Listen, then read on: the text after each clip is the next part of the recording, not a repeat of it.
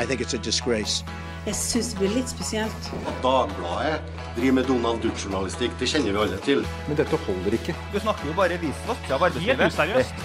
You are fake news. Go ahead. Nå er den endelig her, etter ti års ventetid på Hans Olav Lahlums monster av en bok om Reiulf Steen, den tidligere partiformannen i Arbeiderpartiet, som aldri ble statsminister.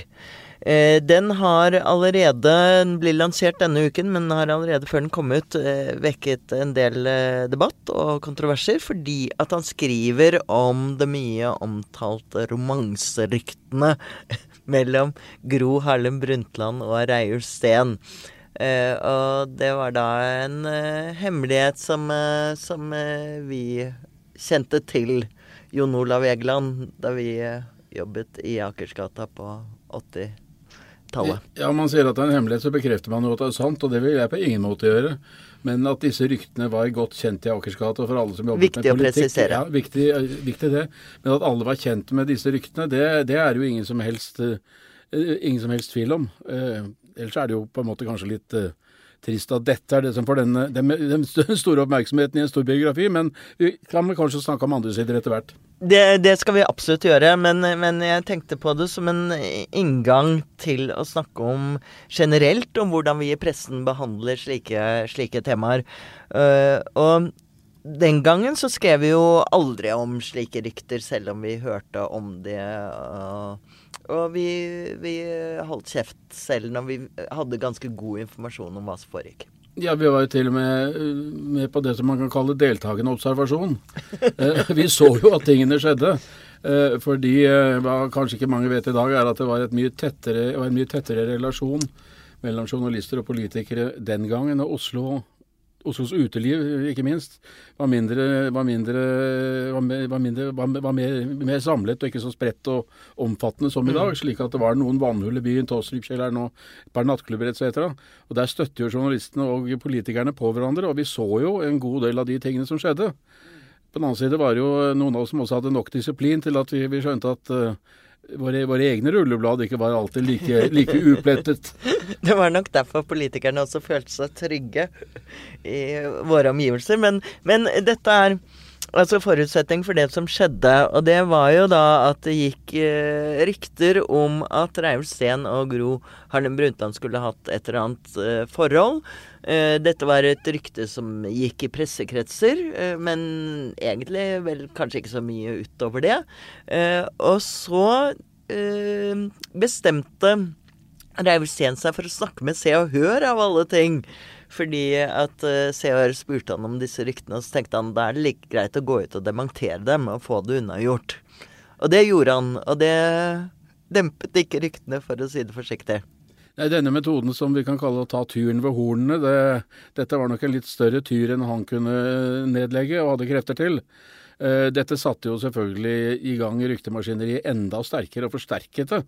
Uh, og det, Jeg kan ikke fatte og begripe at han ikke ville, at han ikke skjønte det. Uh, for det var i hvert fall ingen i norsk presse som ville omtale noe som ikke var bekreftet, og som ingen kunne vite om var sant, og som de fleste av oss husker jeg godt, regnet med ikke kunne, kunne være tilfellet.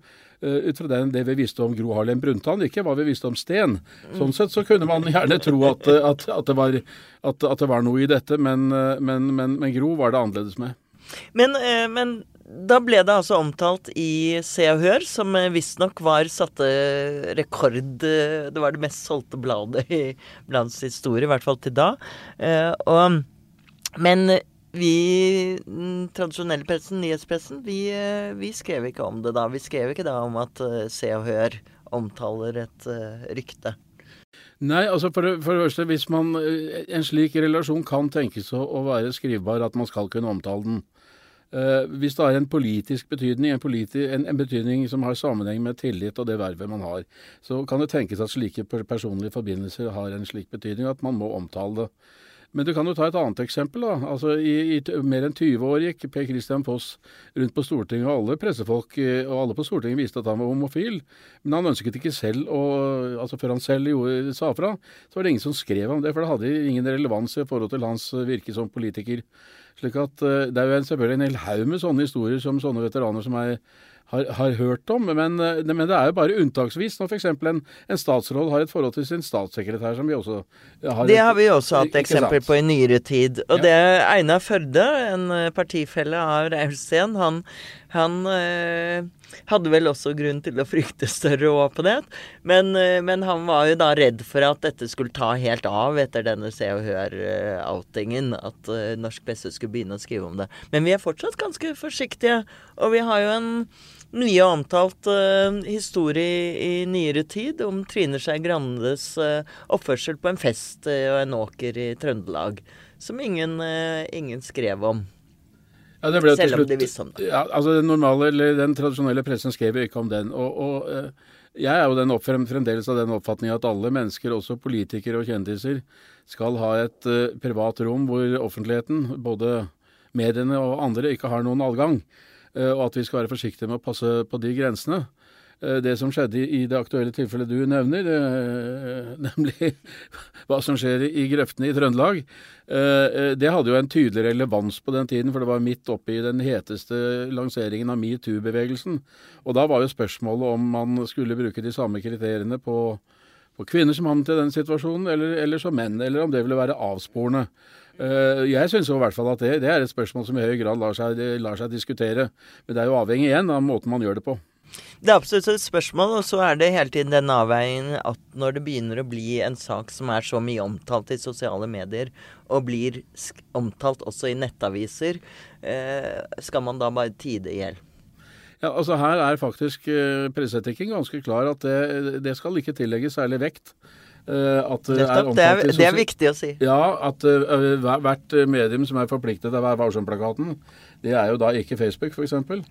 Eh, men vi andre er det, eh, og vi må vurdere det helt på helt selvstendig grunnlag. Selv også om eh, andre aviser eller andre medienettsteder ja, for det kan, jo, det kan jo være fristende. F.eks. i Raudscenen så var det jo ikke bare Se og Hør, men utenlandsk presse mesket seg jo i disse her. Da kunne det jo kanskje vært fristende å si at uh, Bildzeitung skriver osv. Men det kan vi ikke gjøre. Nei, men eh, det, hvis vi går tilbake til en periode, så skjedde det nok at norske journalister eksporterte sine his, historier om kongehuset til tyske aviser, og så siterte dem etterpå. Så eh, vi har vel ikke helt uten svin på skogen vi heller når det gjelder den trafikken. Eh, men det generelle regelen er som du sier, at det er en selvstendig avgjørelse som må tas ut fra en konkret vurdering i hvert enkelt tilfelle. Og da vil privatlivet selvfølgelig veie tungt. Men la oss nå bare ta et annet eksempel. Altså, når en stortingsrepresentant f.eks. jukse med reiseregninger, så er det selvfølgelig en vanvittig en personlig belastning å få det omtalt. Men det er klart at det, det må skrives om, fordi det handler om tilliten til, til våre folkevalgte. Og her er vi ved kjernen med hvorfor vi også kan tenkes å skrive om private forhold når det har en direkte innvirkning på eh, politikken, på beslutninger som tas, på eh, Vi har jo et annet eksempel fra Gro Harlem Brundtlands liv, som har vært mye omtalt, hvor sønnen hennes begikk selvmord. Mm. Og ingen skrev om det. Til tross for at eh, det betydde at eh, Gro var borte fra, fra ledelsen i en periode, og etter hvert gikk av pga. dette her. Ja, dette var jo en, en, meget vanskelig sak, også fordi eh, det var, egenhet, det var meget tilbakeholdende eh, praksis når det gjaldt å omtale selvmord, også i Vær varsom-plakaten, strengere enn i dag. Eh, hvor det faktisk er mulighet for å omtale det når det har en, en relevans. Eh, og her var det jo det, men på den annen side så tok man altså hensyn til den sorgsituasjonen Gro vare. Jeg vil ikke tro at dette kunne vare evig, og hun brøt jo selv tausheten om dette på Arbeiderpartiets landsmøte, om jeg ikke husker feil så, så fortalte hun, hun, jo om dette. Uh, men jeg tror også det har en verdi i dette samfunnet at vi er tilbakeholdne når det er ting som går så sterkt inn på mennesker som, som den situasjonen hvor et barn begår selvmord. At, uh, at, vi viser, at, vi viser, tilbakeholdenhet og menneskelighet i de situasjonene, det tror jeg har en stor egenverdi. Når det gjelder denne historien med Rausten og Gro, som du var inne på, Jon Olav, så har det i hvert fall Det er Altså, Sten på mange måter som selv er opphav til uh, denne historien. Han har fortalt den flere ganger og mener at de har hatt et forhold. Mens Gro Harlem Brundtland på det sterkeste avviser det. Og Lahlum i sin bok belegger ganske Egentlig ganske grundig hvorfor det ikke har skjedd. Altså det, jeg ser at Lahlum har fått kritikk for at han har tatt opp dette spørsmålet, og det syns jeg ikke er kritikkverdig. Og jeg synes, ut fra det jeg har sett av hva som var omtalen i boken, så syns jeg han belyser det fra forskjellige sider og trekker en, den mest sannsynlige konklusjonen, nemlig at dette, er, dette har ingen rot i virkeligheten. Og, det er vel ikke noe nytt, for å si det i historien, at menn øh, øh, Skryte på seg litt? Skryter på seg litt mer enn det, de, enn det det er grunnlag for. Uh, og slik at uh, Det kan ikke være noe tvil i, i, mitt sinn i hvert fall om hvem som er troverdig i, i, i, dette spørsmålet. Derimot så hadde det jo selvfølgelig, hvis det oppstår slike forbindelser i politikken, så, så kan det tenkes at det, er, at, at det, bør omtales, rett og slett fordi det vil representere en, en, et maktsentrum og en forkludring av de normale prosedyrene, maktprosedyrene i et parti eller en bevegelse.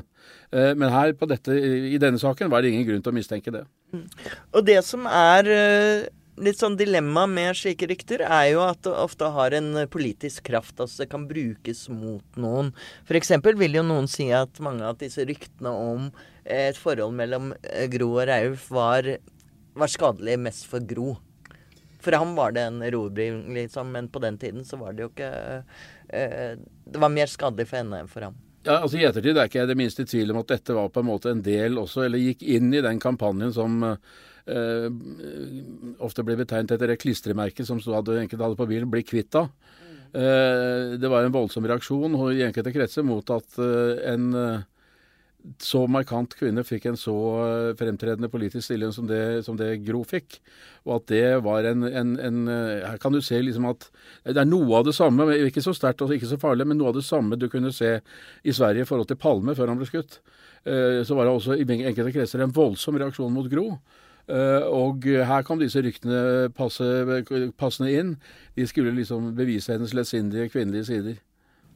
Lettsindighet er kanskje ikke det vi forbinder mest med Gro Harlem Brundtland? Nei, altså alle som har, som har omgått oss henne, intervjuet henne og kjenner henne i en viss grad, vil jo si at hun er nok det stødigste mennesket jeg vet ja, om. Jeg vil også si at hennes uh, versjon er troverdig, men, uh, men uh, det jeg tenker på er at det av og til er viktig med åpenhet om disse forholdene. Og at det nettopp er når det er skjult at, at ryktene får gjøre skade. og å vokse, og, og, og, man kan egentlig være ganske skadefri ved å være ryktespreder hvis det ikke blir grepet fatt i. Hva tror du Hadde vi skrevet om det i dag? Nei, jeg tror ikke vi hadde skrevet om jeg, jeg, jeg ville i hvert fall ikke gått inn for å skrive om noe som var et rykte som ikke, som ikke kunne bevises. Det måtte jo være i det tilfellet at uh, disse to, eller, eller, at disse to selv uh, ville gjøre det. Jeg, vi husker jo at Jens Stoltenberg gikk jo ut. Han skulle jo, ble jo anklaget for å ha noen homofile forhold, om jeg, ikke, om jeg ikke husker feil. Da gikk han jo selv ut i avisen. Med de mest usannsynlige kandidater. Ja, nettopp det også. Uh, så det, av og til så er det jo nødvendig å, å, at disse personene selv rydder opp i dette. Uh, men da er det vel viktig at uh, de selv har en styring på dette, og at ikke det nødvendigvis er mediene som, som driver det, med mindre det faktisk da er en realitet som på en måte prøver å skjule forhold som, som absolutt bør frem i, i dagens lys. Men til sist, vi var litt inne på det, at at de tradisjonelle mediene kan ikke bare viderebringe slarv som går i sosiale medier, selv om det er en kjent sak der. Og, og fordi at vi får veldig ofte spørsmål, f.eks. i den Trine Skei Grande-saken, om hvorfor skriver ikke dere dette her? Holder dere hemmelig? Skjuler dere noe? gjør ja. vi det bevisst. Men det er ikke sånn at vi automatisk kan skrive det bare fordi at det er kjent for en god del mennesker. Nei, og dette er jo det mange som ikke skjønner. De, de, de, de mener jo at med en gang noen har lempet ut noe i en eh, Facebook-notis eller på Twitter eller hvor det skulle være, eller på sin egen blogg, så skulle det liksom på en måte være fritt fram for alle å omtale. Det er helt feil. Eh, presseetikken pålegger oss selvstendig vurdering i hver enkelt sak, og det spiller altså ingen rolle om det er spredt der ute. Hvis, ikke, og hvis man ikke tar hensyn til det, så blir man jo selv eh, delaktig i, i spredningen av dette, og da kan man ikke presseetisk gjemme seg bak det. Nå har vi i hvert fall spredt dette godt i podkasten eh, vår. Vi vil, Jon Olav og jeg vil, vil nå stå på kanskje Lahlums konklusjon at det er litt sannsynlig at dette skjedde. Eh, men at det var riktig å omtale likevel. Og så skal vi komme tilbake til den boken, for den syns jeg ser veldig spennende ut, det jeg har lest uh, foreløpig. Og det var en liten uh, bonusspor om kjærleiken i politikken og mangel på sådan.